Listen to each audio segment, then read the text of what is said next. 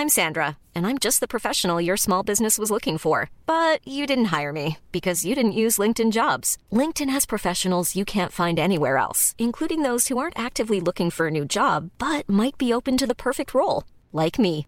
In a given month, over 70% of LinkedIn users don't visit other leading job sites. So if you're not looking on LinkedIn, you'll miss out on great candidates like Sandra. Start hiring professionals like a professional. Post your free job on linkedin.com/people today. When you're ready to pop the question, the last thing you want to do is second guess the ring. At Bluenile.com, you can design a one-of-a-kind ring with the ease and convenience of shopping online. Choose your diamond and setting. When you find the one, you'll get it delivered right to your door. Go to Bluenile.com and use promo code LISTEN to get $50 off your purchase of $500 or more. That's code LISTEN at Bluenile.com for $50 off your purchase. Bluenile.com code LISTEN. Burrow is a furniture company known for timeless design and thoughtful construction and free shipping, and that extends to their outdoor collection. Their outdoor furniture is built to withstand the elements, featuring rust-proof stainless steel hardware, weather-ready teak, and quick-dry foam cushions. For Memorial Day, get 15% off your Burrow purchase at burrow.com slash ACAST and up to 25% off outdoor. That's up to 25% off outdoor furniture at burrow.com slash ACAST.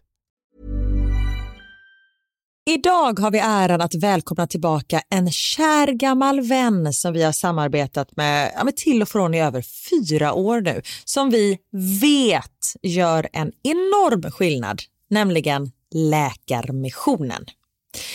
Nu är det knappt tre veckor kvar till mors dag och vi tänkte knyta ihop det för just kvinnor och mammor är ett fokusområde för just Läkarmissionen. Ja, och spontant när jag tänker på mors dag så tänker jag på så blommor och teckningar från barnen och frukost på sängen och så. Mm. Men det är ju en lyx som bara vissa kan unna sig. Men det finns en gåva som både du och jag kan ge en annan mamma och det är en gåva som räddar liv, nämligen en säker förlossning. Mm. Visste ni att det varje dag dör runt 800 kvinnor i världen till följd av sin graviditet eller förlossning? Alltså inte varje år, utan varje dag. Mm. Det är Ja, men det är helt oacceptabelt. Och Särskilt när man vet att nio av tio dödsfall skulle kunna undvikas om de bara hade fått rätt vård. Mm. Och Det är här som vi i vår poddfamilj, för jag, jag ser faktiskt oss, alltså ni lyssnare och mig och Vivi som en stor familj. Ni vet ju typ mer än mig än vad Niklas vet. Och, ja, men det är det här som poddfamiljen kommer in i bilden. Och Vi har en målsättning, och det är lika bra att säga det nu. Men vår målsättning är att få in 500 nya månadsgivare till Läkarmissionen fram till mors dag. Och för det så behöver vi er hjälp. Mm. Och 500 månadsgivare, det kan ju låta lite då med tanke på att vi har 78 miljoner lyssnare. Men den sorgliga sanningen är att det är svårt att få månadsgivare. Det är många som känner att de vill hjälpa till men sen så kommer man inte till skott. Man kanske glömmer av det. Jag vet själv hur det kan vara. Och så tänker man så här, nästa månad ska jag göra det. Men så blir det aldrig av. Så vårt mål är att ni ska se det här som ett tecken på att nu är det dags. Och för att det kanske ska bli lite lättare så har vi en gåva till er som blir månadsgivare. Just nu, så länge laget räcker, så får du ett Mom Wow-armband som gåva när du blir månadsgivare. Det är ett superfint armband som eh, Vivi har tagit fram tillsammans med hennes kollega. Och Du kan välja mellan guld eller silver. Så du ger alltså en mors dagpresent som räddar liv och får en fin gåva till dig själv eller till någon annan mamma du tycker om. Gå in på läkarmissionen.se vara sanningar, alltså lakarmissionen.se vara sanningar och bli månadsgivare idag. Ja, så pausa podden och gör det nu. Det tar typ två minuter. Sen fortsätter du lyssna och känner värmen av att ha gjort något gott sprida sig i kroppen. Tack Läkarmissionen! Vi har även den här veckan ett samarbete med Rusta Ja, det har vi. Och sist så pratade vi om deras gigantiska utbud när det kommer till saker som man kan pynta och piffa uteplatser med. Och Karin, nu har jag några nyheter till dig. Wow! Nu har jag nämligen, ja men på riktigt, jag är helt chockad över att jag har nyheter. Exakt! Lyssna på det här. Min lilla balkong, du har ju sett den, den har ju varit totalt kal Ja. i de två åren som vi har bott här. Mm. Nu, nu är den inredd. Allt från Rusta och den har blivit så fin. Det är kafébord, två stycken jättefina korgstolar. Jag har en så här lite härlig matta som gör att det känns mer ombonat. Ett insynsskydd där jag har hängt upp såna här solceller och en sak som jag inte ens visste fanns men som har blivit så himla fint. Dekorationsställning heter det. Låter lite konstigt. Det? Men det är liksom som en ställning som man sätter ovanför bordet. Man sätter alltså fast den på sidan och så är det som en gardinstång högst upp. Nu förklarar jag jättedåligt känner jag. Jag förstår ingenting. Jag får komma hem till dig och titta på din Rusta-inredda balkong helt enkelt. Nej men lyssna nu. Man kan alltså hänga eh, ljuslyktor och lite blomslingor i den här och så blir liksom hela balkongen så här ombonad och mysig. Det låter ju helt magiskt. Det är det också. Men jag tänker så här, vi snackar ju fortfarande Sverige. Jag tänker att det kanske är lite kyligt på kvällarna, eller hur? Ja, det är det. Så jag antar att du också har fixat massa nya filtar och infravärme och ljus och annat sånt som värmer dig, eller hur? Ja, men jag har allt. Det är verkligen så himla bra. Just att Rusta verkligen har allt för livet utomhus. Kvalitet till ett bra pris helt enkelt. Precis. Besök Rustas varuhus eller rusta.com. Tack så mycket Rusta.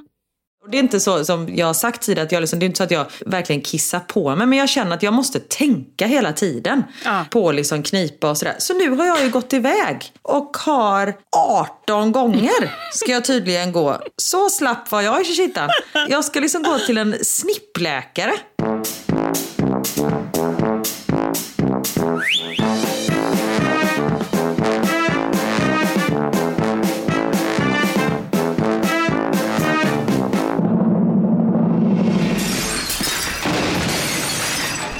Våra sanningar. Med Vivi och Karin. På plats på dansgolvet. Karin da Silva med dansen En desperat mammas bekännelse från en biltur på franska västkusten med sin man och sina barn. Varsågoda.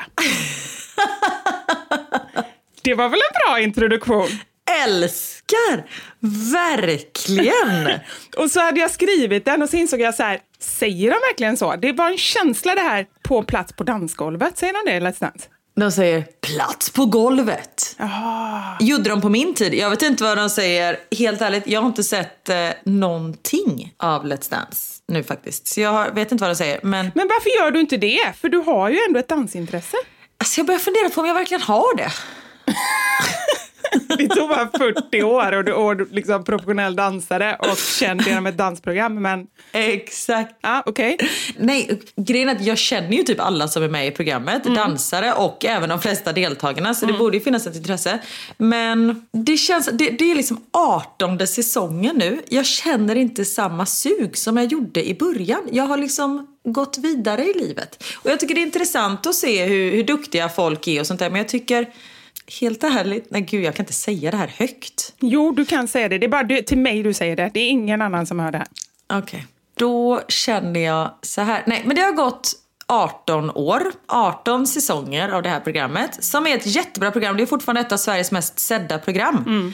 Men när man har varit inne i den bubblan så känner jag så här. Det finns tio danser. Hur mycket mer kan man göra med de här danserna? Lite så känner jag. Ja, men det är kanske också för att du är så duktig på just dans. Så du ser inte någon utveckling. För mig, jag tycker inte att det är så himla kul med dans. Därför ser inte jag programmet. Men jag kan ju inte känna så här, åh nu kommer den dansen igen. Utan för mig är det hela tiden en ny dans. Även om de har dansat samma dans 18 gånger. Liksom, eller 18 år. Ja, okej.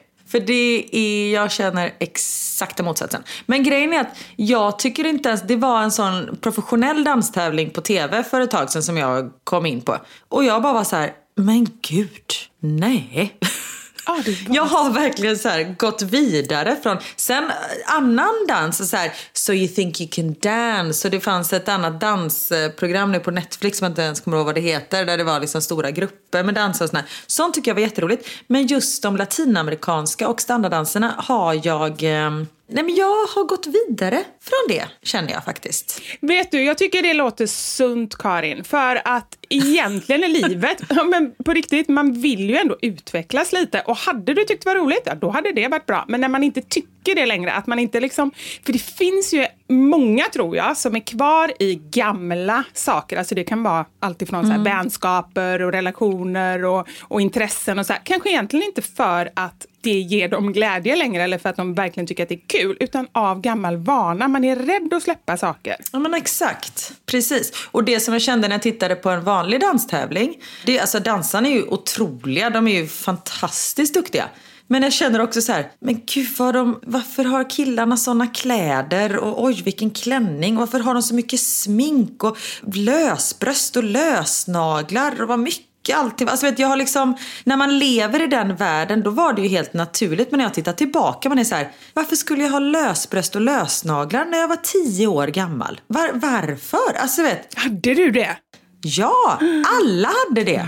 Man såg ut som en jävla clown. Nej men gud. Och, och, som sagt, detta är liksom ingen kritik mot er som håller på med det. För som sagt, jag har liksom vikt mitt liv åt det här. Mm. Men nu när jag har fått distans från, och då var det liksom det mest naturliga som fanns. Mm. Alltså varje fredag fick jag sitta längst bak i klassrummet vid ett öppet fönster. För jag luktade så illa från all brun utan sol som jag skulle ha. Mm.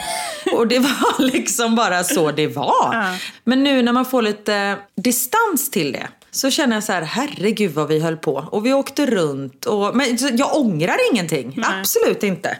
Men är det inte så i livet, ibland just det här med distansen. Jag bara tänker på när jag slutade spela handboll. Då mm. hade jag ju spelat handboll. Jag spelade ju med eh, Sävehof, eh, med juniorerna och skulle gå upp i elitlaget. Och det var verkligen träning minst en gång per dag, ibland två. Plus ja. alla helger, det var matcher och det var liksom träningsläger och allt sånt där.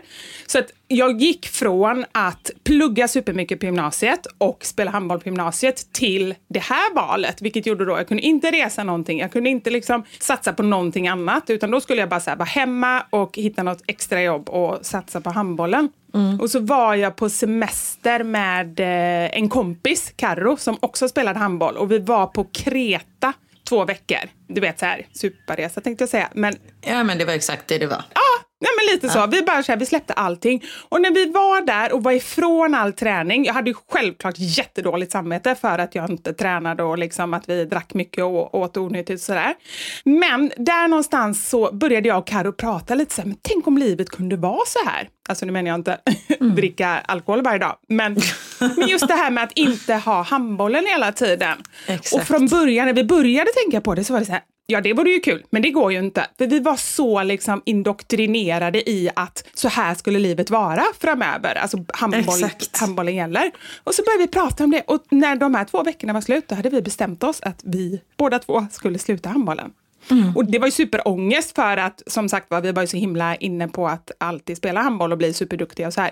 Och att svika laget, svika tränaren och så. Men när jag väl hade sagt det, alltså det var som att, folk pratar ju om det, liksom att en sten bara släpper. Mm. Det var så himla skönt. Jag tänker att man kan behöva göra den typen av val även senare i livet, även gällande andra grejer. Men som man kanske inte tänker på att det är något man egentligen inte vill.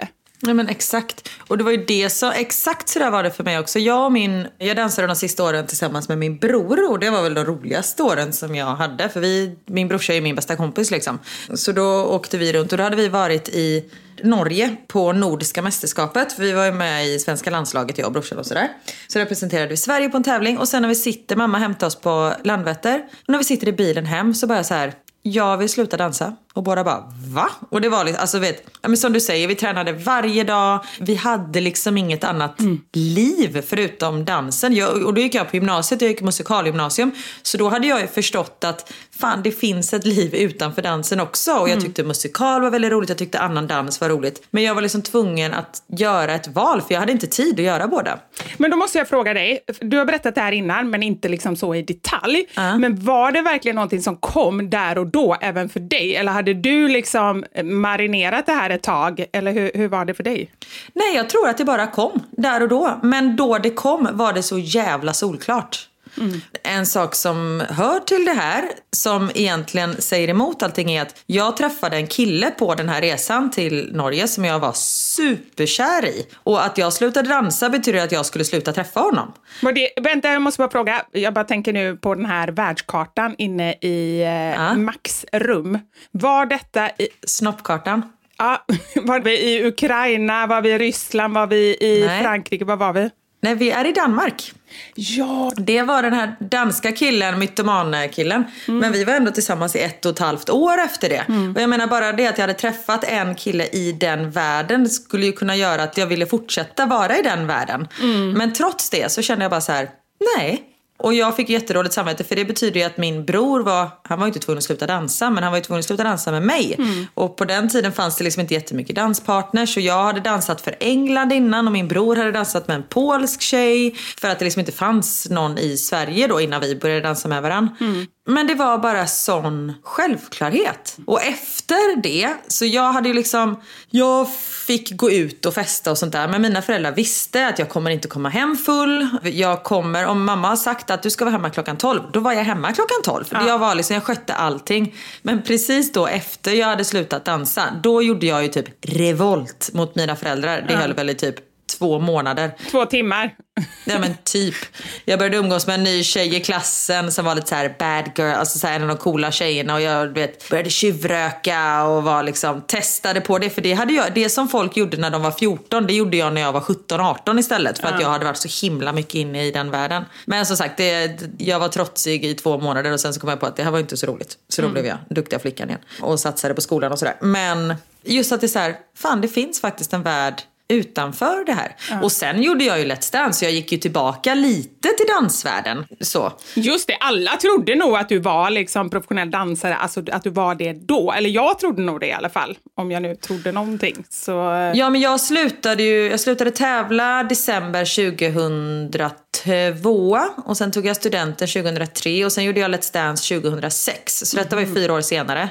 Mm. Eller näst, tre år senare för det var i januari. Och då hade jag, jag gick ju på Balettakademin då, jag pluggade på Balettakademin så då dansade jag annan dans. Jag var liksom ah, okay. aktiv så. Så det var inte så att jag legat på soffan och käkat chips utan jag var ju aktiv på ett annat sätt. Man kan säga att din giffeltid, den hade inte riktigt börjat där, eller? Eh, jo, men det syntes inte på mig ah. eftersom jag rörde mig också. Nu är det bara gifflar som gäller.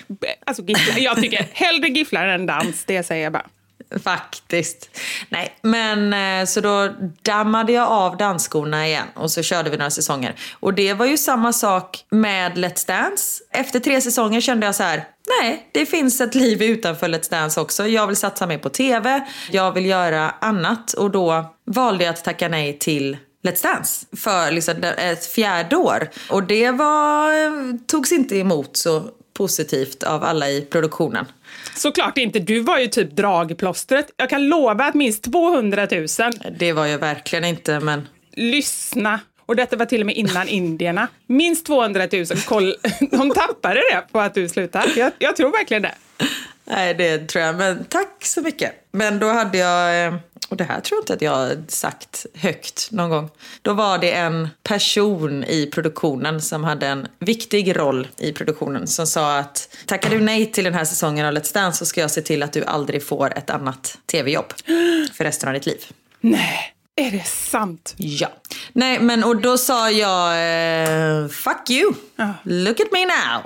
Ja, bra. Men det är så himla obehagligt tycker jag med den branschen. För det var ju anledningen till att ja. jag slutade. Jag hade ju ändå jobbat som programledare i två och ett halvt år tror jag. Mm. Men just det här att det var så jäkla mycket armbågar och det var så mycket insmilande. Jag vet inte om jag sa det, men det var ju en kvinna som jag vet, en känd programledare, som åkte runt till viktiga människor i tv-branschen och liksom så här typ bjöd på lunch, bjöd på fika, hade med sig picknickkorgar. Alltså verkligen så här bara smorde upp dem. Och då, jag bara kände, det här är inte jag. Nej men det är ju så det... Nej, exakt. Och det är väl kanske en av anledningarna till att jag inte har fått leda något av de stora programmen som jag vill leda. För att jag funkar inte på det sättet. Mm. Jag är trevlig och artig och visst man får ha lite, jag brukar säga att man får ha runda armbågar. Man måste liksom lära sig att ta sig fram i den här branschen men inte på bekostnad av att någon annan mår dåligt känner Nej. jag. Men det är ju inte riktigt alla som har den eh, filosofin. Nej. Ja. Men nu vill jag bara säga en sak. Hur fan kom vi in på det här? Ja, det är det som är det sjuka. Jag hade då den här introduktionen för att lämna över till dig, eftersom jag tog över hela förra poddavsnittet, så tänkte jag att nu ska du få ta över det här. Och sen har jag pratat. Det gick så där din plan. ja, men det minnet är inte det bästa. Jag, glöm, jag kom på det efter ett tag, så, men vad hände med introt och vad ville jag med introt? Och så bara, oj då. Men okej, okay, nu, nu håller jag för min mun. Ja. Ett, två, tre, varsågod. Jag kommer inte ihåg vad Jo, att vi, jag ska berätta om vår biltur genom eh, France. Eller? Mm. Men det har varit långledigt med eh, Kristi himmelfärd. Är det det som har varit? Jag tror det. Eller jag fick inte säga något, förlåt. Jag har redan släppt munnen. och jag blir så stressad att jag ska prata helt själv. Nej, så vi passade på att eh, sätta oss i bilen och åka till Frankrikes västkust. Och tanken var ju först att, min tanke var, jag bara, vi hyr en husbil eller en sån campervan. Pratade du om detta i förra podden? Nej. Nej, det gjorde du inte. Men jag måste en sak utan att säga för mycket. Ja. Jag har jättedåliga minnen av en gång så skulle vi hyra en båt och så fick vi inte båten och istället fick vi en husbil Oj. och Anders försvann. Jag säger inget mer, varsågod. Men vadå Anders försvann? Så där kan du inte lämna det, fattar du väl? Men kör ditt först. Jag, vi återkommer till det, att Anders försvann i husbilen. Nu vill jag höra. Men jag skriver upp Anders ja. försvann, försvann.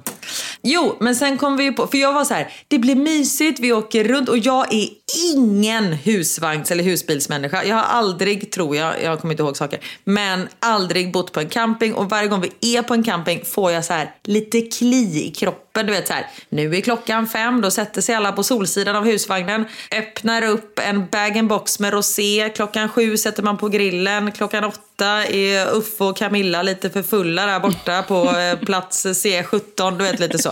Åh, oh, jag tycker det låter underbart. Jag vill bli campingmänniska. Jag är ingen, men jag känner efter din beskrivning, jag vill bli det. Nej, men det, och det är bara min bild. Jag kan tänka mig, alltså, det är ju väldigt många människor som just campar, så det måste ju finnas någon skärm med det. Mm. Men jag är, jag vill inte stå i kö för att kissa på morgonen eller för att diska och sånt där. Jag är lite mer bekväm av mig. Mm. Men den här gången tänkte jag så här, vad fan, vi hyr en camping, liksom camper van. Ja men det är någon jävla lyxgrej. Du kan ju inte säga att, att det är så här, stå med någon polett någonstans. Nej men det var ingen, men den hade toaletter och den hade kök inne i med rinnande varmvatten för det var viktigt för mig. För jag vill, jag vill liksom inte stå i kö för att bajsa på morgonen. Men det, ja, mm. det är jag. Och sen så, vi skulle liksom, du vet, jag och Niklas vi satt och barnen var superpepp. Vi bara, men det här blir ja, jätteroligt liksom. Och jag bara, fast man kanske borde börja boka liksom campingplatser för det är ändå långledigt. Folk åker väl runt. Och så började vi kolla lite där. Vi började liksom skriva in vad vi behövde i bilen och tillägg och bla bla bla. Och sen precis när vi ska trycka på knappen för att liksom så här boka och betala. Vi bara, men fan, vi suger på den till imorgon liksom. När allting ligger kvar så kan vi trycka på knappen imorgon bitti. Och sen vaknar vi på morgonen och vi bara, nej, vet du vad? Och så ska man in i någon liten fransk by med det här åbäket som liksom inte kunna få plats någonstans. Och man kommer inte hitta parkeringsplats och uh, nej. Så vi sket i den idén, kom vi på på morgonen och sen på eftermiddagen åkte vi typ. Så vi bokade lite hotell på lite andra ställen. Men det var också lättare sagt än gjort kan jag säga. Bland annat så bokade vi... Det känns jättekonstigt när du inte pratar alls. Är du kvar? Vet du varför? För så fort jag öppnar munnen då känner jag att jag avbryter dig. Så nu tänkte jag att nu ska jag vara tyst. Uh, har du något att tillägga från det jag har berättat? inte ett ord. Varsågod, fortsätt. Nej, okay. Tack så mycket. Och Niklas han bara, jag har hittat ett jättemysigt slott någonstans på Airbnb. Det såg så mysigt ut. Ja men det var så fint. Så han bokade liksom, dels så skickade han en eh, bokningsförfrågan så det blev inte bokat direkt. Så vi bara okej okay. och sen hörde vi liksom ingenting från det här slottet. Jag bara okej, okay, det här känns ju sådär. Tänk om vi liksom inte får det. Mm. Och sen så jag bara, men jag går in och tittar, för då hade han bokat, vi skulle bo på ett ställe som hette eh, Honfleur på onsdag till torsdag, som jag tydligen har varit i. När vi var på väg dit, pappa bara, åh vi var i en jättemysig by när vi var i Frankrike. Jag bara, har jag varit i Frankrike? De bara, ja vi har typ bilat runt där i Normandie. Jag bara, ja ja okej. Kanon. Eh, han bara, en mysig by som heter Honfleur. Jag bara, men gud det är där vi ska bo. Så jag har tydligen varit i den byn. Den var supermysig. Kände du igen någonting? Nej. Absolut Och så hade Niklas då bokat där Airbnb på torsdagen och sen skulle jag boka på fredagen. Jag bara, gud jag har hittat ett annat slott, titta på det här. Niklas bara, men det är ju det jag har bokat. Jag bara, jaha. Så av alla hotell och hus och slott och allting i hela Frankrike så har vi hittat samma. Men var inte det det du sa när du satt uppe mitt i natten? Nej? Jo, exakt. Ja. Just det. Så det var det som jag hade hittat. Och det var det exakt samma som Niklas hade hittat också då tydligen. Men då kände vi så här, i och med att Niklas inte har fått något svar på sin Airbnb-grej till det här slottet då. Så vi bara, men vi ringer dem. Det var en 81-årig man som svarade, kunde inte ett ord engelska. Så vi bara, eh, uh, reservation pour uh, Airbnb à demain. Du vet, höll på så här. Han bara, va? Han bara, skicka ett mail. Vi bara, okej. Okay. Skicka ett mail med allting. Inget svar på det här mejlet. Och då skickar du ett franskt mejl. Google Translate, tack så mycket. Jag bara, men då tar vi bort vår bokningsförfrågan på Airbnb så bokar jag två nätter på deras hemsida istället. Mm. Vi bara, kanon. Och då var det så här, ja du har skickat en bokningsförfrågan på en bokning för två nätter på det här slottet. Invänta svar. Vi bara, ja. Får inget svar från det här stället, åker runt i Frankrike en dag. Och sen har ju den här natten kommit och vi ska sova på det här slottet och vi vet inte om vi har fått ett rum. Så man bara, Åh. Och till saken hör jag att det ligger liksom på franska landsbygden. Det var inte så att om vi kommer dit och vi inte har ett rum att vi kunde ta ett annat hotell. Utan då var det liksom, då, bara, då får vi sova i bilen typ. Ja men tänk om ni hade haft den där husbilen där då. Då hade det ändå varit eh, bra. Ja men då hade vi inte ens bokat slottet. Nej, då hade okay. vi bott i husbilen från första början. Ja, du kan fortsätta vara tyst. så... ja, men det är det jag känner så fort jag öppnar munnen. Så bara, okej. Okay. Nej, prata på. I alla fall så kommer vi till det här slottet klockan åtta på kvällen. Och vi bara, vi ska ha ett rum och den här tanten som var typ 75 som kommer, hon bara no, no da Silva. Vi tittar i sina handskrivna papper, vi bara vad fan. Sen bara ah, Så bara åh, här fanns det. Vi bara men gud vad tur. Och så visade det sig att vi hade två nätter och allting var frid och fröjd. Vi går in i slottet och Theo som aldrig, alltså han klagar inte, han är liksom, han gråter aldrig, han är aldrig ledsen, han är väldigt sällan arg. Alltså han är en väldigt så här, trygg och lugn person. Mm. Han bara, hur eh, länge ska vi bo här? Vi bara, två nätter, det är coolt, det är från 1200-talet, det är liksom riddare har bott här, bla bla bla bla bla. Och vi fick rummet längst upp i ett torn. Alltså det var, det var så jävla coolt. Mm. Han bara, jag får en jätteobehaglig känsla här. Nej men gud, alltså jag hade bara flytt ut på ett fält. Nej, men, och, det, och jag tror ju på sånt. Ah. Speciellt med barn och hundar, just att de är väldigt mottagliga för andra energier och, och sånt där. Mm. Och först jag bara, men sluta det här är jättekult. Han bara, jag vill inte bo här. Och sen börjar han, du vet, bryter ihop mm. och sitter och storlipar. Nej. Vi bara, alltså vad är det? Vi bara, men vad är det du känner? Han bara, jag får bara en väldigt obehaglig känsla och det känns inte rätt och det känns som att det är bara obehagligt. Och vi bara, okej. Okay. Och då är klockan liksom nio på kvällen. Vi bara, men vi måste bo här i natt. Men jag kan börja titta om det finns hotell någon annanstans. För vi vill ju att det här ska vara en trevlig resa. Men fortfarande så är detta ett ascoolt ställe Theo. Så att du bara så här, var lite open-minded. Mm. Och, ja. Han bara, okej, okay. han bara, men då vill jag sova med Richie. Vi bara, absolut, för vi hade två rum. Mm. Så vi bara, men då sover Richie i ditt rum och sådär, så känner du dig lugn. Och sen gick natten och det gick bra och han var såhär, nej men jag kan sova här en natt till.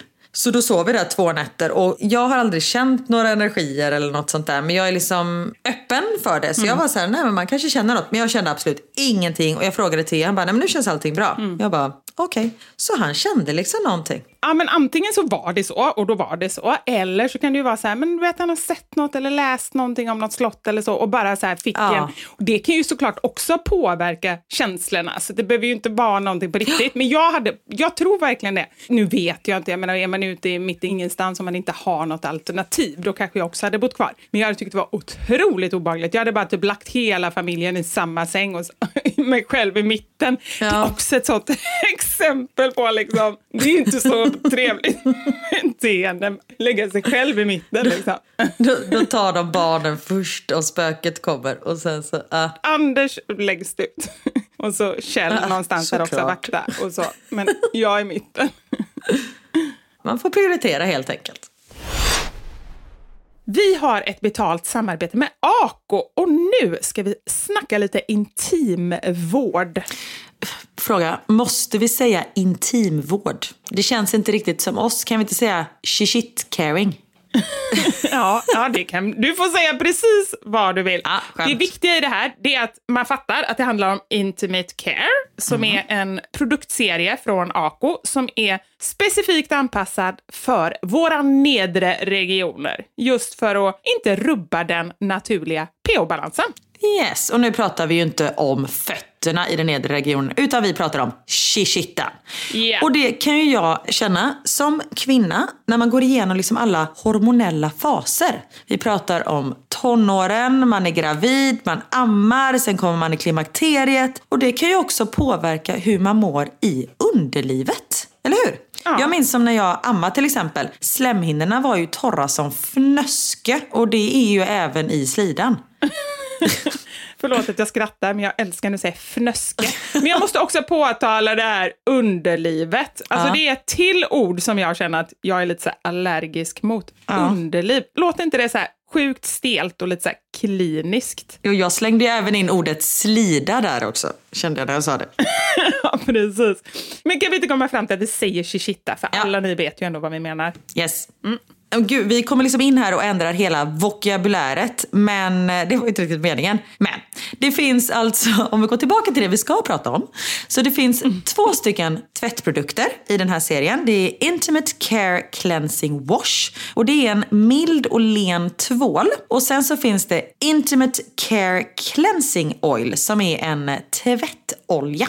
Och det är min favorit, alltså Ah. tvättoljan. Jag känner att det blir så här, jag vet inte, just olja tycker jag är så härligt för huden. Det blir så mjukt och lent efteråt. Verkligen. Och sen har de ju också två stycken krämer. En gel, Intimate Care Moisturizing Gel och en eh, kräm som är Intimate Care Soothing Cream. Det låter ju nästan som glassar, eller hur? Ja, ja men det gör det. Och, och det skulle man faktiskt nästan kunna säga att det här är fast för underlivet, liksom fast för kittan. Nej, Jag ska förklara. För glass gör mig glad och de här produkterna gör min chichitta glad. Fantastiskt. Och det bästa till sist. Självklart så har vi en rabattkod. Just nu så får ni 25% rabatt med koden AKOINTIM25 i ett enda ord på apotea.se. Och erbjudandet gäller till och med den 25 juni. Tack så mycket Ako. Hey, it's Danny Pellegrino from Everything Iconic. Ready to upgrade your style game without blowing your budget? Check out Quince. They've got all the good stuff shirts and polos, activewear, and fine leather goods, all at 50 to 80% less than other high end brands. And the best part? They're all about safe, ethical, and responsible manufacturing. Get that luxury vibe without the luxury price tag. Hit up quince.com slash upgrade for free shipping and 365 day returns on your next order. That's quince.com slash upgrade. There's never been a faster or easier way to start your weight loss journey than with PlushCare. PlushCare accepts most insurance plans and gives you online access to board-certified physicians who can prescribe FDA-approved weight loss medications like Wigovi and Zepbound for those who qualify. Take charge of your health and speak with a board-certified physician about a weight loss plan that's right for you. Get started today at plushcare.com slash weight loss. That's plushcare.com slash weight loss. plushcare.com slash weight loss. Everyone knows therapy is great for solving problems, but getting therapy has its own problems too, like finding the right therapist, fitting into their schedule, and of course, the cost. Well, BetterHelp can solve those problems. It's totally online and built around your schedule. It's surprisingly affordable too. Connect with a credentialed therapist by phone, video, or online chat, all from the comfort of your home. Visit betterhelp.com to learn more and save 10% on your first month. That's BetterHelp, H E L P. Vi har ett betalt samarbete med Lexus som nu har tagit fram bilar efter personligheter. För våra bilar är ju några av de personliga ägodelar som de flesta av oss spenderar väldigt mycket tid i. Och jag är så glad över det här samarbetet för Lexus det är ju ett av mina favoritbilmärken. Jag visste faktiskt det, för du har pratat om det mer än en gång kan jag säga. Jajamensan. Och jag spenderar ju väldigt mycket tid i min bil. För det första tycker jag väldigt mycket om att köra bil men jag sitter ofta med barnen i bilen. Då är jag i den som liksom skjutsar runt dem till olika aktiviteter och sånt där. Och jag älskar att sova i bilen. Alltså det finns inget ställe som jag somnar så gott Inte när du i. kör förhoppningsvis. Och då kan jag ju säga att jag inte kör då. Nej, precis. Och det finns ju en trend där man visar upp det som man har i sin handväska. Så här, what's in my handbag. Men det man har med sig i sin bil, det är ju lika viktigt Verkligen. egentligen. Och det är ju också en del av ens personlighet. Så Lexus, de har krokat arm med podden Dumma människor där psykologen Björn Hedensjö och Lina Thomsgård ska avslöja vad det vi har i våra bilar faktiskt säger om just våra personligheter. Så jag tänker att Karin, du får börja berätta. Vad har du i din bil? Okej, vi har en bil i vår familj och hade det inte varit så att jag och min make delade bil så tror jag att det här hade sett lite olika ut. För Niklas är väldigt ordentlig och liksom går och, hans om han fick välja hur han skulle spendera sin söndag skulle det vara på biltvätten för han älskar att liksom ta hand om vår bil. Jag är inte riktigt lika ordentlig men ehm, i och med att vi delar bil så det som jag alltid har med mig i bilen nu det är en flaska vatten. Jag har med mig mobilladdare och tuggummi.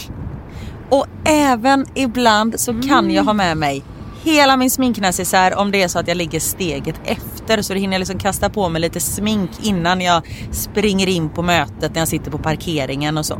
Men oftast är det vattenflaska, mobilladdare och tuggummi. Du då? Det låter som att du är ganska samlad. Jag blir inte så förvånad över ditt in- innehåll. Nej men som sagt det skulle nog se annorlunda ut om jag hade en egen bil. Okej. Jag har alltid med mig de tre. Oj. Kaffe, kudde och choklad. Nej. Jag fick inte till det riktigt där i slutet, men jag tyckte att det passade bra ändå. Ja. Nej men så här, när jag åker, nu pratar vi om lite längre resor, typ när vi ska åka till landet. Då har jag alltid en termosmugg med kaffe. Jättestarkt kaffe, för det är det enda jag dricker. Sen har jag en stor chokladkaka och eh, när det inte är sommar så funkar det bättre än när det är sommar om man säger så. Annars får jag så klippa en liten del på kanten och typ suga i mig Som choklad, nötkräm. chokladen. Och sen så kudden. När jag då har ätit upp allt det här, ätit och druckit, då tar jag fram kudden och sen så sover jag ända tills jag är framme. Där har vi min bil. Det låter ju magiskt. Lexus nya självladdande elhybrid Lexus LBX som är deras minsta SUV hittills så kan du välja mellan fyra olika atmosfärer beroende på din personlighet. Det finns Elegant, Relax, Emotion och Cool. Jag tänker så här, choklad, kaffe och kudde Eh, om jag ska göra en egen liten hobbyanalys så ska du nog ha relax. Ja, ja men det låter rimligt. Jag ska i alla fall inte ha cool. Det, det känner jag. Jag tycker det ska bli superintressant att höra vad podden Dumma människor säger när de gör sin lilla analys av oss. För ehm, de är ju experter på mänskligt beteende. Spännande. Avsnittet där dumma människor analyserar vårt innehåll i våra bilar finns att lyssna på nu och det finns där poddar finns. Tack så mycket Lexus. Dels för att vi fick dela med oss av innehållet i våra bilar, men framför allt för att ni med er nya självladdande elhybrid Lexus LBX och dess fyra olika atmosfärer gör så att vi kan välja en bil som passar just oss. Tack Lexus!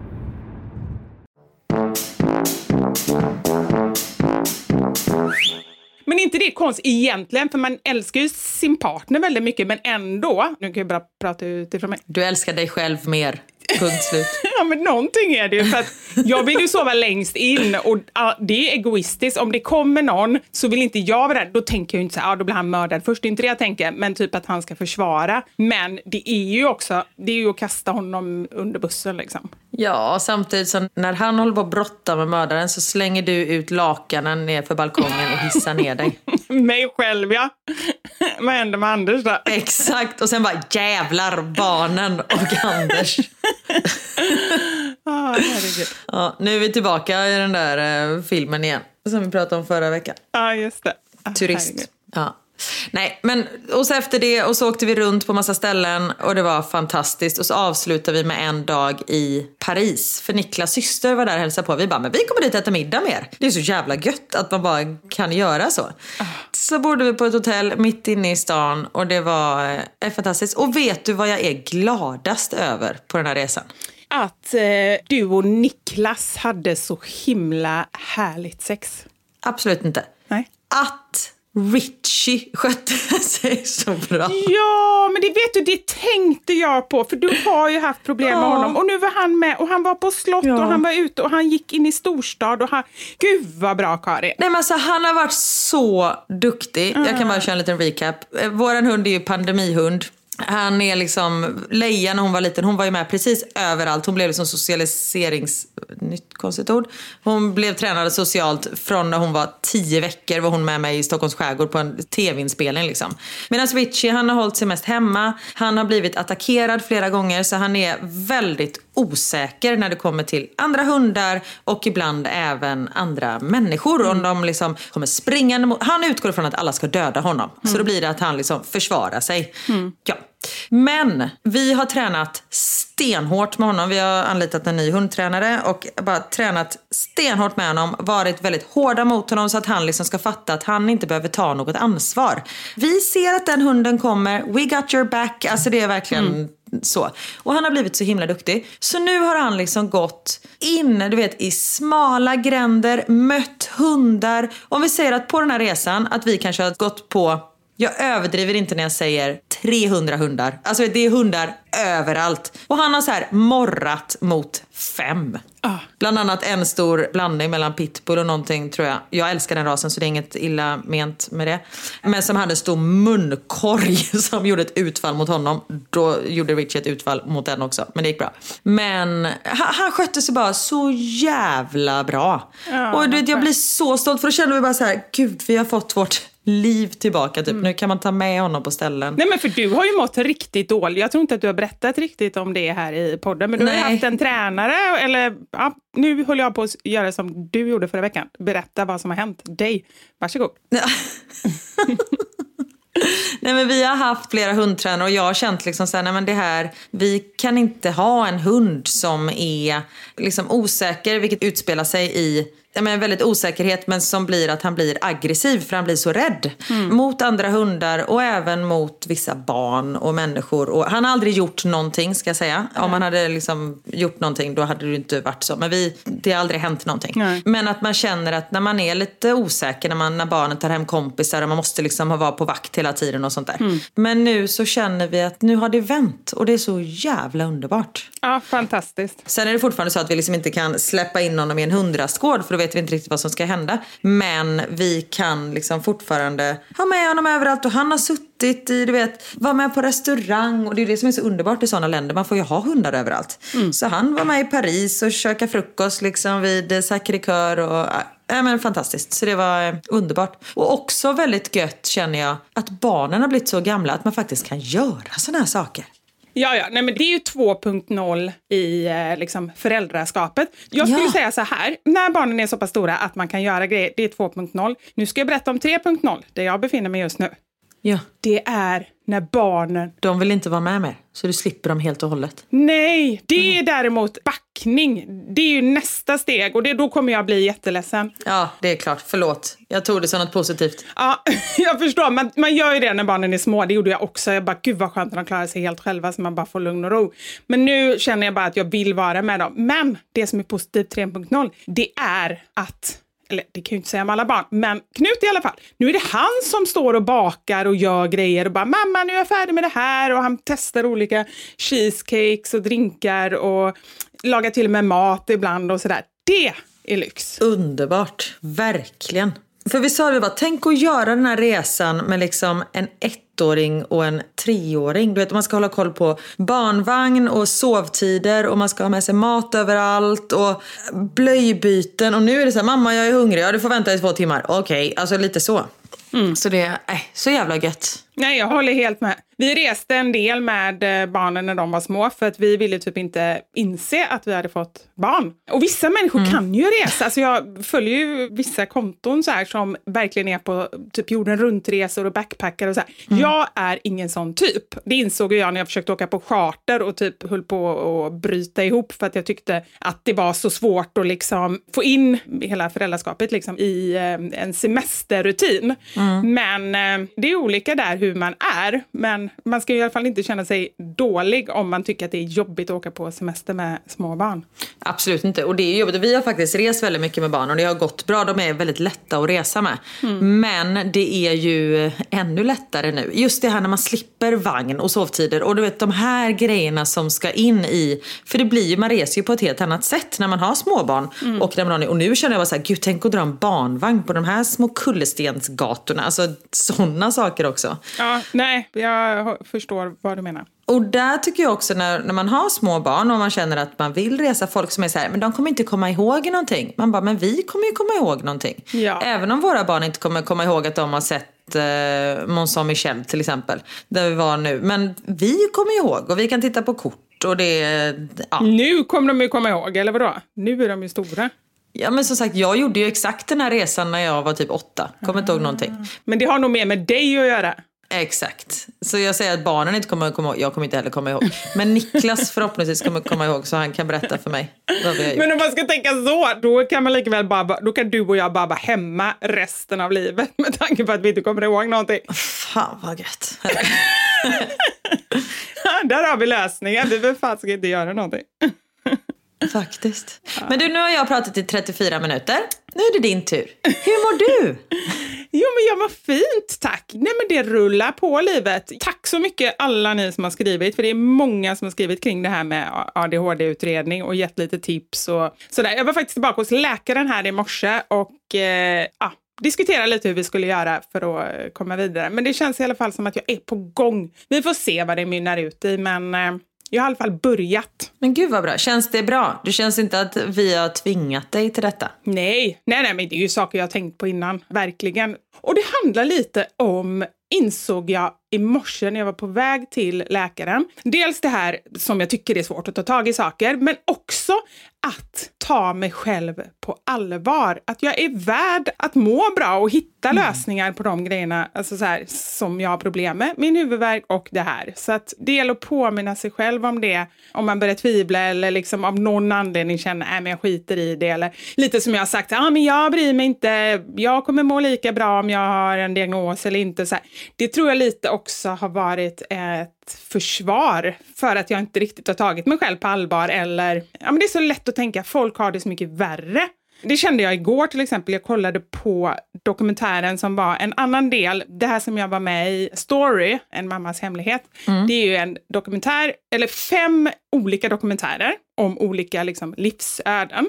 Mm. Så jag kollade på en annan igår som heter En bränd idol, tror jag att den heter. Mm. Med han Axel Kylström Ja. Eller Kylberg ja. kanske. Som klättrade upp på ett tågtak när han skulle ta studenten och blev så svårt brännskadad att de inte trodde att han skulle överleva. Och när jag tittade på hans, Var det på studentdagen? inte på studentdagen, men han hade varit på en studentfest. Eller var på väg till en studentfest. Så det var liksom, äh, det var så, de kontrasterna liksom mellan att man tycker att man har hela livet framför sig, inga problem, allt är roligt, det är bara party allting och så hamnar då på akuten under så lång tid. Hela den resan, det var ju fruktansvärt. Och då kände ju jag så här, men gud varför fick jag göra en dokumentär? Hans öde var ju mycket värre och ja, men det är lätt att jämföra sig hela tiden. Ja, fast det är det man absolut inte kan göra. Nej, jag vet. Alltså alla har ju sin verklighet, så enkelt är det. Och som du säger, du är ju värd... Alltså det finns ju alltid folk som har det värre än en själv. Men man är ju faktiskt värd att må så bra som det bara går, tycker jag. Och att det här är ju ingenting som... Alltså just det här som vi pratade förut med att ha liksom vassa armbågar och putta sig fram och sådär. Det här gör du ju bara för din skull. Det är när du gör det här så påverkar det inte någon annan. Det är ju inte så att du säger nej nu ska jag göra den här utredningen och därför är det, jag skiter i om det är tusen andra som inte får göra den. För jag måste komma före och göra den. Alltså det är ju ingen annan som påverkas av ditt beslut om att du vill må bättre. Förstår du vad jag menar? Fast det är det ju i och för sig, för ju fler som anmäler sig desto svårare är det ju för vården och vårdkön och allting. Ja, men- men, nej, men så kan man ju inte känna heller. Ja men herregud, Nej. nej. så får du inte tänka. Vården är ju där för att hjälpa människor som behöver hjälp. Ja, och just nu behöver du hjälp med det här. Nej, men så, eh, så är det verkligen. Ja. Men eh, jag vet inte om jag kom till någon slutsats av det här. Det var nog mer så här lösryckta så här, fragment av var jag befinner mig just nu. Men det är väl eh, jättebra. Och jag kan säga att du pratar ju mycket om, eller vi, men framförallt du, just att man ska ta tag i saker. Som du precis sa, att man är värd att må bra. Och det har ju faktiskt gjort att jag tagit tag i lite ett problem som jag också har haft. Nu blir jag helt tyst här. Det är, inte, är det huvudvärken? Nej. Nej, den har jag också tagit tag i. Men det har ju varit, det är ju liksom, ja. Nej men jag har ju haft problem med min bäckenbotten. helt ärligt. Och vi har ju pratat mycket om så här urinläckage och sånt där. Och jag har tänkt att nej men vad fan, det är väl så farligt är det inte. Men så kände jag nu när jag har dansat så mycket och sånt där, jag bara, fan man ska inte ha det så. Och det är inte så som jag har sagt tidigare, att jag liksom, det är inte så att jag verkligen kissar på mig. Men jag känner att jag måste tänka hela tiden Ja. på liksom knipa och sådär. Så nu har jag ju gått iväg och har 18 gånger ska jag tydligen gå. Så slapp var jag i kittan hos en sjukgymnast. Jag ska liksom gå till en snippläkare. Gud, heter det så? Snippdoktor? Ja, men det, det är inte sjukgymnast, det är ju inte en snippdoktor 18 gånger. Nej men det är en, jag vet inte om hon är utbildad gynekolog kanske. Men- Men, hon jobbar med, eh, alltså vi tränar min bäckenbotten och eh, inre magmusklerna. Gud vad bra! Kan inte du ha en livesändning på eh, Instagram där du går igenom hur man gör? För det, jag vill veta och jag tror att vi är många som vill veta. Det är jättebra! Ja, fast jag kan inte än. Nej. Jag måste ju gå dit.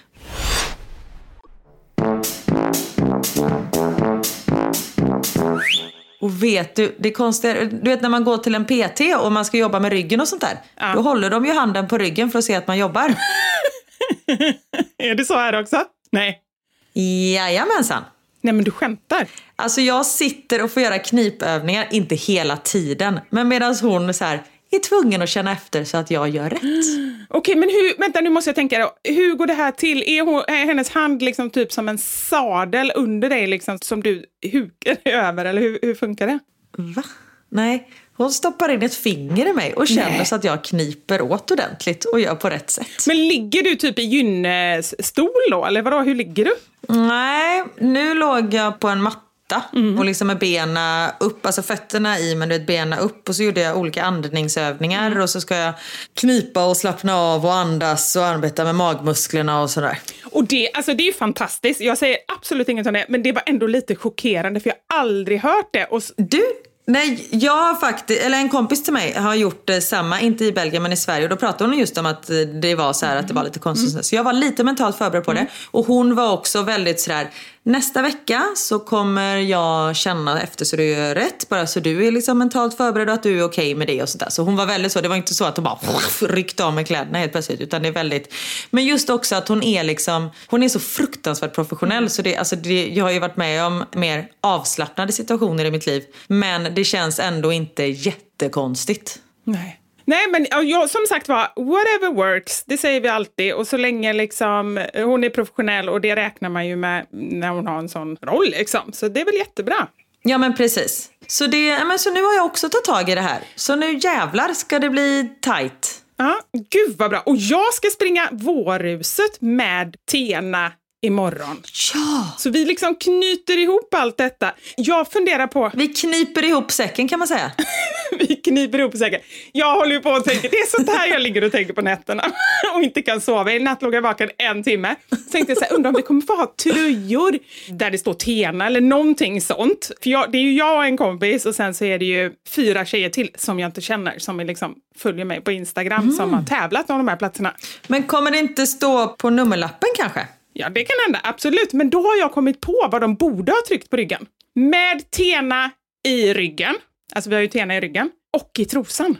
Bra! Var inte det lite fyndigt ändå? Verkligen! Men jag har inte sagt detta till Tena för egentligen vet jag inte om jag vill att det står på min rygg när jag springer.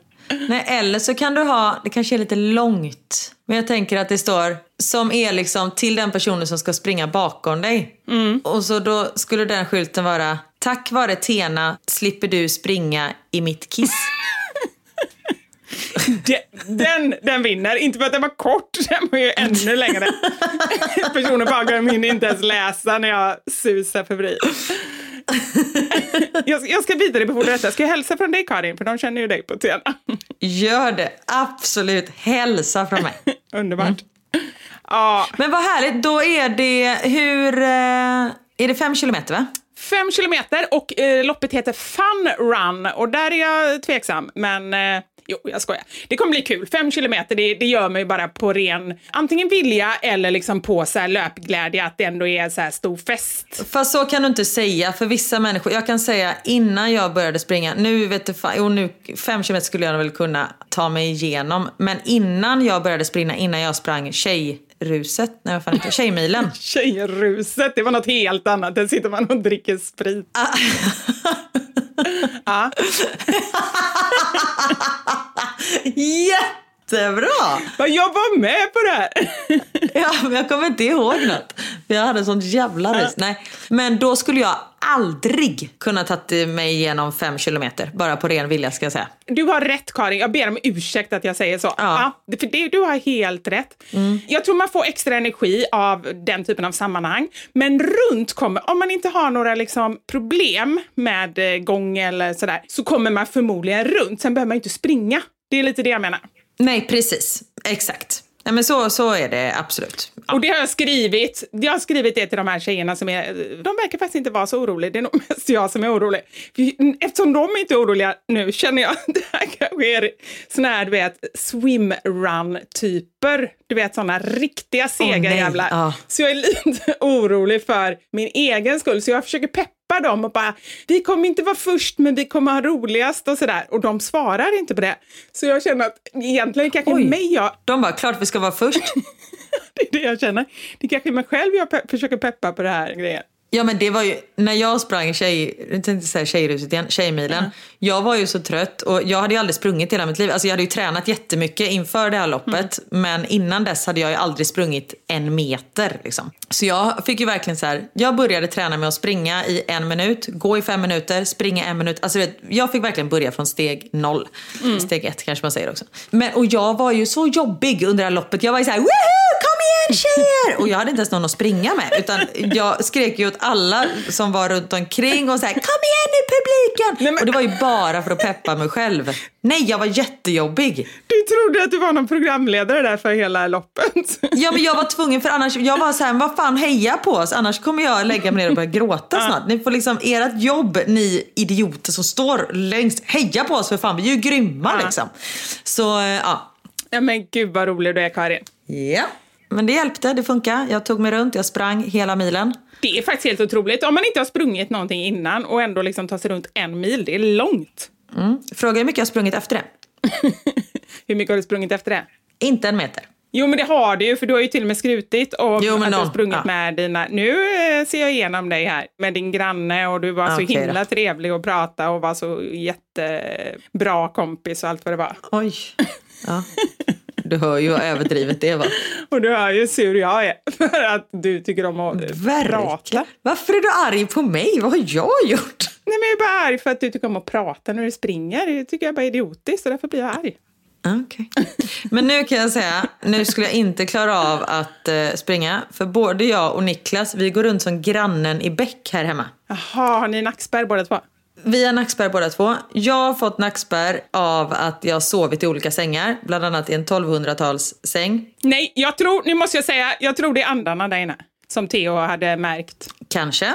Vet du vad Niklas har fått nackspärr av? Nej, men det är väl också andarna? Nej? Nej, nu ska jag berätta för dig här.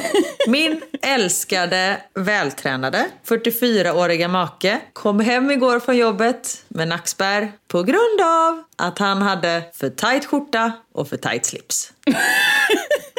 Då, nej, nu, då är det inte bra. Han ligger inte på en bra välträningsnivå. Jo men det är ju det, han är ju för vältränad, han är för biffig för sin skjorta. Nej men vadå, seriöst, han skyllde på det? Mm, men orkar få nackspärr av att ha skjorta och slips? Ja men det är sant, vänta. Niklas! Ja, skicka hit honom. Kom. Skicka hit honom. Jag snackar om dig. Ja, han jobbar hemifrån halva dagen här idag. Så då ska han fan få bli ut. För att han kan inte röra sig, eller? Nej. Eh, Exakt. Det är du får fråga honom. Hallå? Hej Niklas! Vad arg du är. Hej, Vivi. Är du arg på mig Niklas? Nej, jag är inte arg på dig. Nej, bra. Varför skulle jag vara det? Nej, Han är Nej. antagligen arg på mig eftersom jag outar honom här i podden. Och lovat att aldrig prata om honom. Jag säger bara såna här grejer. Karin har berättat att du har varit med om en mycket allvarlig arbetsolycka igår. Ja, det är hårda bud alltså. Berätta! Arbetskläderna, de... Nej, men jag, jag, jag, jag drog på mig en jävla nackspärr igår. Jag vet inte varför riktigt. Men en bidragande orsak i alla fall kan vara att jag hade en ganska tight skjorta och en tight slips. Alltså, det här jag hade, är så jag hade svårt att röra mig. Så Det är roligt. så jävla... Är det just för att det satt så tajt så att du inte Jag kunde inte. vrida dig? Jag vet inte. Det, det, det, det är tufft att vara EU-byråkrat. Ja. Så är det. Ja, och vi kan ju konstatera att vi är fan inte 20 längre. När man får nackspärr av att resa, onda andar ger en nackspärr och man har för tajt skjorta. Vad är nästa grej då? Är det så här tennisarm av att du så här har signerat för många så här EU-dokument? Ja, det skulle kunna vara. Skriv du för många papper. Skriv Gå och skriva för många. Det är underbart. dra, drar hälsenan på grund av att man har gått med kopiatorn många gånger. Så kan det vara. Gud, vad är vår värld på väg? Vi får ta det lugnt helt enkelt. Ja, det är det jag säger. När man är över 25. Det är tufft. Det är tufft, det här. Vad duktig du var som kom ihåg vad det hette. Ja, men det är bara för att det låter så sjukt tråkigt. Det är därför jag kommer ihåg.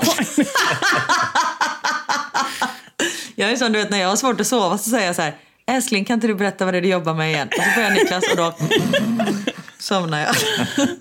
Nej, förlåt älskling. Nej, men vi säger alltid snälla saker om dig och Anders i podden, det vet du. Det är... Ja, jag vet. För det mesta i alla fall. Ja, ja. Det här avsnittet behöver du inte lyssna på. Nej. Nej, jag hoppar över det här snittet. Men eh, vad bra, men eh, kul att höra från dig. Lycka till, snacka på ni. ja, men detsamma. Ja, hej, hej. Okej, Hej. ha det gott. Hej. Det är roligt när våra män är med i podden. Alltså. Det måste de vara oftare. Jag vet. Ska vi ha ett paravsnitt snart? Ja, men det kan vi faktiskt ha. Bra idé! Det har vi aldrig haft. Inget, eller har vi haft det? Ja, det har vi. Men det var då de inte fick säga någonting, för vi tyckte att de inte hade något roligt att säga. Och sen själv började vi skälla på dem och säga, skaffa en egen podd om ni vill prata. Men tänk dig, åh fy fan vad tråkig podd om bara Niklas och Anders skulle ha en podd. Nej, men då hade de fått bjuda in oss i varje avsnitt. Det säger jag. Ja. De ska vara glada att de har oss. Ja, ja men det säger jag till Anders hela tiden. Han, jag vet inte om han inser sin lycka. Jag säger det till Niklas också men han lyssnar inte. Så jag vet inte. Ah, herregud.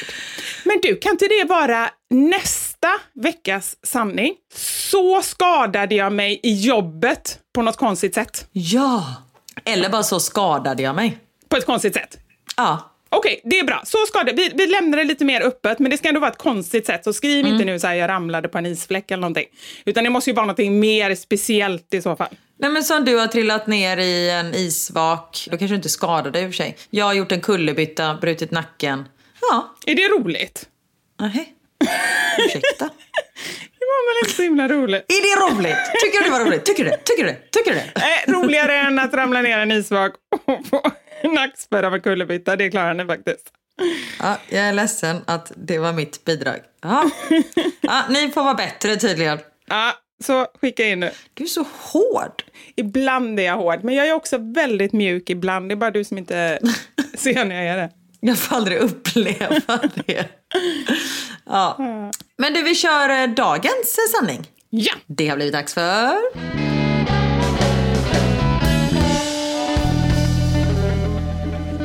Veckans. Sanning!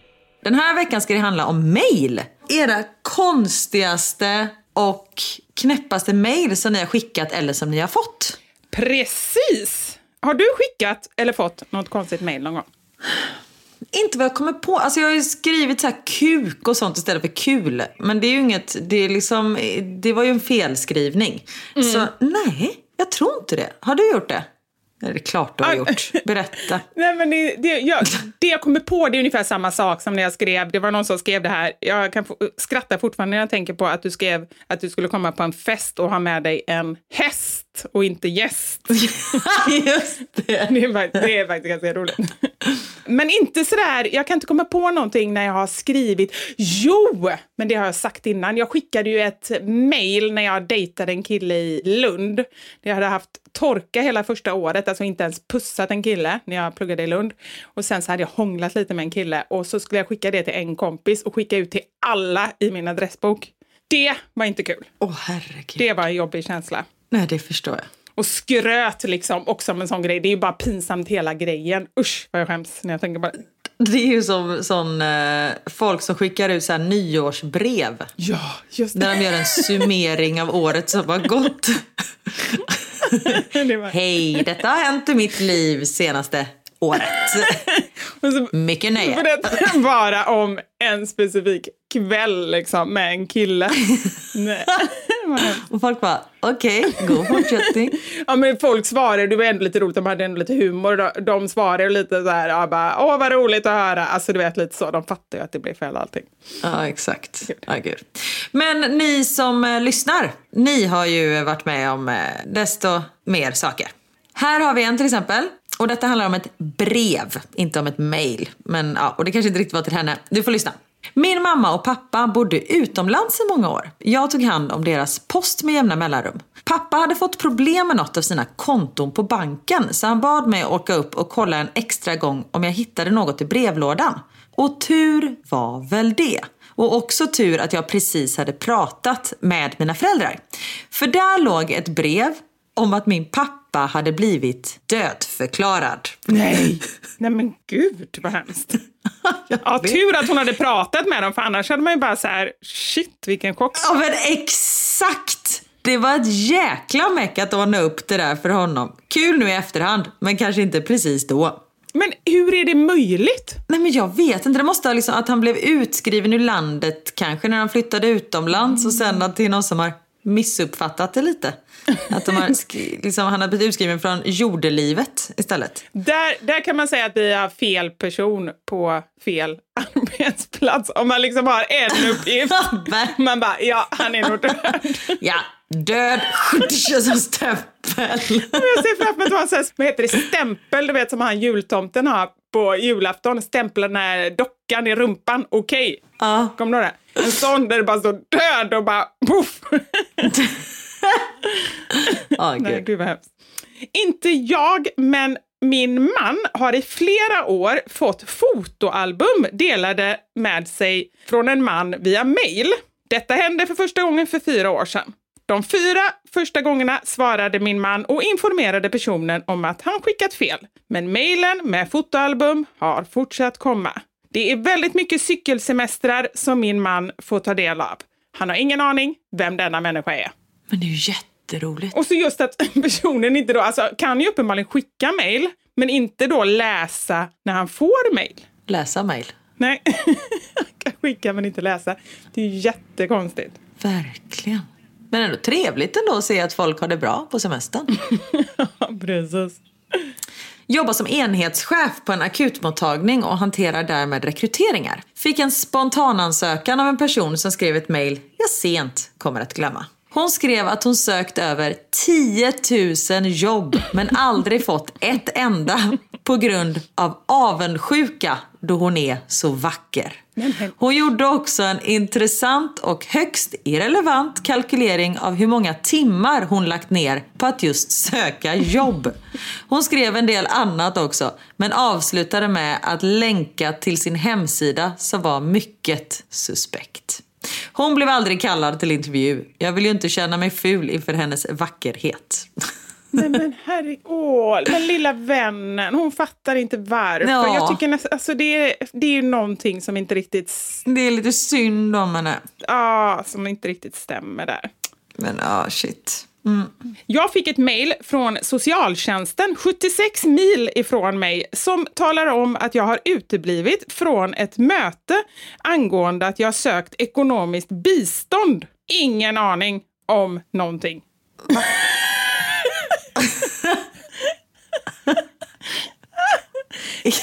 Jag fattar ingen, ingenting. Kan du? När det först är så tyst i tre sekunder. Jag bara fattar att du inte Kan du ta allt igen? Det var en kvinna som hade fått ett mejl från socialtjänsten, alltså långt bort, 76 mil ifrån henne, som skriver du har uteblivit från ett möte gällande att söka ekonomiskt bistånd. Och det var ju såklart inte till henne. Nej, Hänger du med? ja, nu hänger jag med. Ja, det var det. Kanon. Okej. Ja. Tack. Gud vad flamsig jag blev nu, förlåt. Okej. Så konstigt. Jag trodde att. Okej. Ska jag- vet inte vad du vill ha för reaktion. Nej, inte jag heller. Det kanske var konstigt att jag tog Ah. med det. Men ah, okej, det gjorde jag i alla fall. Ja, jag tar den här. Min sambo skickade ett mejl när vi bara hade dejtat i några månader från ingenstans med en länk till en enkät. I enkäten skulle jag ratea hans personlighet, utseende, matlagning, klädstil och så vidare. Från 1 till 10. Sen skulle jag svara på frågor om vad han kan göra bättre och om jag skulle kunna rekommendera honom till en vän. Så sjukt konstigt, men kul. Han är så påhittig. Men detta är alltså en, hennes nuvarande sambo? Så det var mer på skoj eller? Ja, det hoppas jag. Annars är det jätte... Men samtidigt som det är väldigt fint att känna så här. Jag tycker om dig jättemycket. Finns det någonting du tycker att jag skulle kunna förbättra så att vi får en ännu bättre relation? Det är ju jättefint att säga. Ja, det är fantastiskt fint. Men eh, det är ändå, man kan också fråga om man vill. ja, absolut. Men jag håller med, det var ju jätte, jättefint. Jag fick ett mejl från en ensam granne där han berättade om sina problem i pungen. Den var svullen. och då frågade jag så här, kan du berätta lite mer om det här? Okej, och det här svaret fick jag precis nu, så det har jag inte läst. Jag vet inte om det är roligt eller tråkigt eller konstigt, så är ni med? Okej. Det här är en äldre man som bor i huset bakom oss. Hans fru har Alzheimers. Nej men gud, nu börjar jag skratta. Det är bara för att jag är så orolig för vad jag ska läsa här nu, för det, jag har ingen aning om det är bra eller dåligt. Och fick i somras flytta till ett boende, så han har bott kvar ensam. Och han är säkert lite extra ensam och dricker lite extra vin om kvällarna. Nu, hon, hon gissar bara när han sitter i sitt uterum. Förlåt, gud. Okej, jag fortsätter. Så en kväll hade han skrivit ett mejl till mig för att meddela att han skulle resa bort. Så vi skulle hålla ett öga på hans hus, som vi brukar göra. Men den här gången var det ett lite längre mejl med information om hur han mådde och hur hans fru mådde. Och då skrev han ordagrant att han hade problem med sitt underliv och att han hade en extremt svullen pung som nu var under utredning på vårdcentralen. Jag läste detta helt yrvaken på morgonen efter och, och fick läsa om det flera gånger innan jag faktiskt fattade att det stod så. Oj. Ja. Nej, men det är ju, ja, han hade kanske ingen att prata med om hans fru hade Alzheimers och så ville han bara liksom lufta den här pungen. nu inser jag att det var lite dubbel betydelse. Ja, det var inte meningen att jag skrattade. Det är inte ni, det är jag, Ja. kan man säga. Här är en tjej som har skickat ett mejl och avslutat mejlen med tack på förhud. Istället för att skicka tack på förhand. Den var ju ganska bra. Strax efter min 40-årsdag fick jag ett mejl som löd Nu kan vi meddela att det finns en plats på äldreboendet Solfjärden till dig.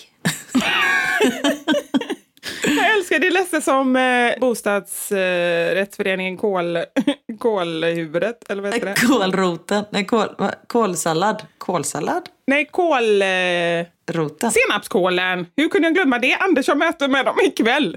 Oj, hur går det för dem? Hur går det för tanten? Nej, det är ingen tant. Hon är ung. Hon är yngre, yngre än vad vi är. tänkte säga. Det är nog fel. Hon är nog i din ålder skulle jag säga.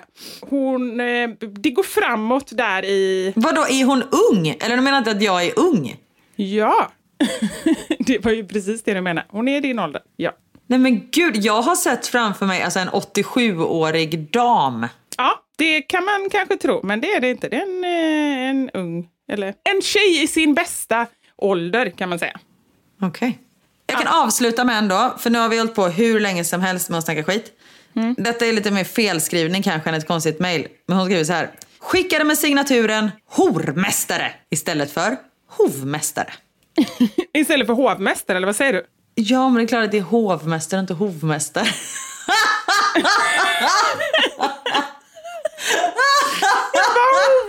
hovmästare du. jag, tänkte att det var så som bytte skor på hästar. Nej men alltså på riktigt. Nej men gud, ja, nu måste vi avsluta. Hejdå.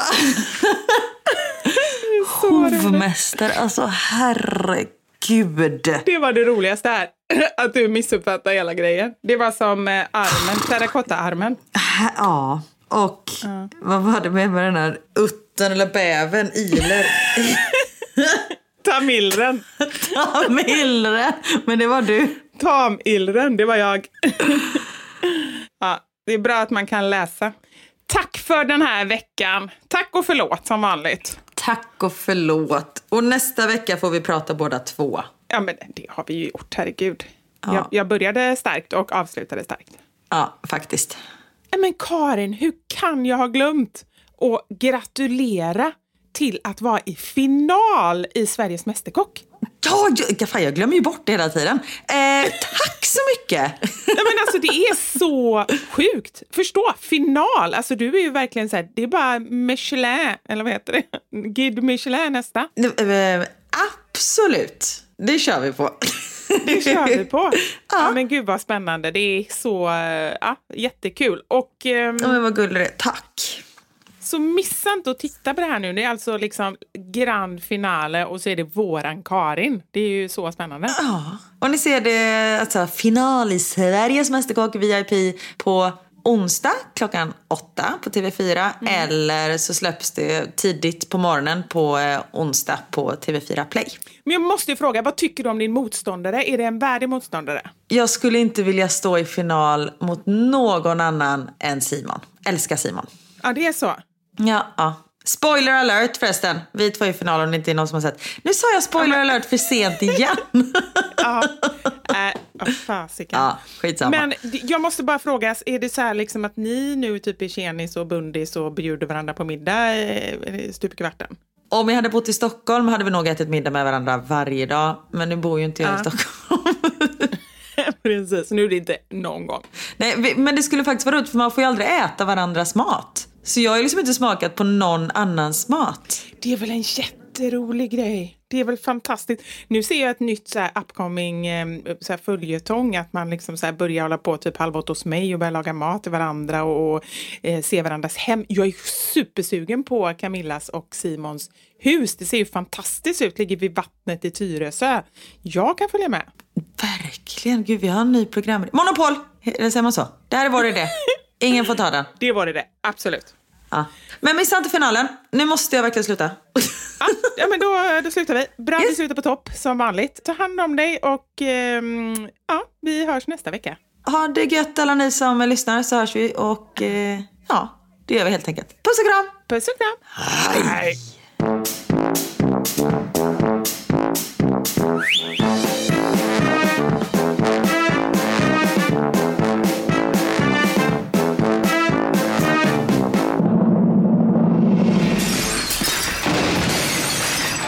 Våra sanningar. Med Vivi och Karin.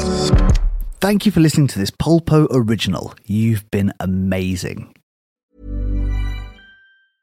Planning for your next trip? Elevate your travel style with Quince. Quince has all the jet setting essentials you'll want for your next getaway, like European linen, premium luggage options, buttery soft Italian leather bags, and so much more. And is all priced at 50 to 80% less than similar brands. Plus, Quince only works with factories that use safe and ethical manufacturing practices. Pack your bags with high-quality essentials you'll be wearing for vacations to come with Quince. Go to quince.com slash pack for free shipping and 365-day returns. Hi, I'm Daniel, founder of Pretty Litter. Cats and cat owners deserve better than any old-fashioned litter. That's why I teamed up with scientists and veterinarians to create Pretty Litter. Its innovative crystal formula has superior odor control and weighs up to 80% less than clay litter. Pretty Litter even monitors health by changing colors to help detect early signs of potential illness. It's the world's smartest kitty litter. Go to prettylitter.com and use code ACAST for 20% off your first order and a free cat toy. Terms and conditions apply. See site for details.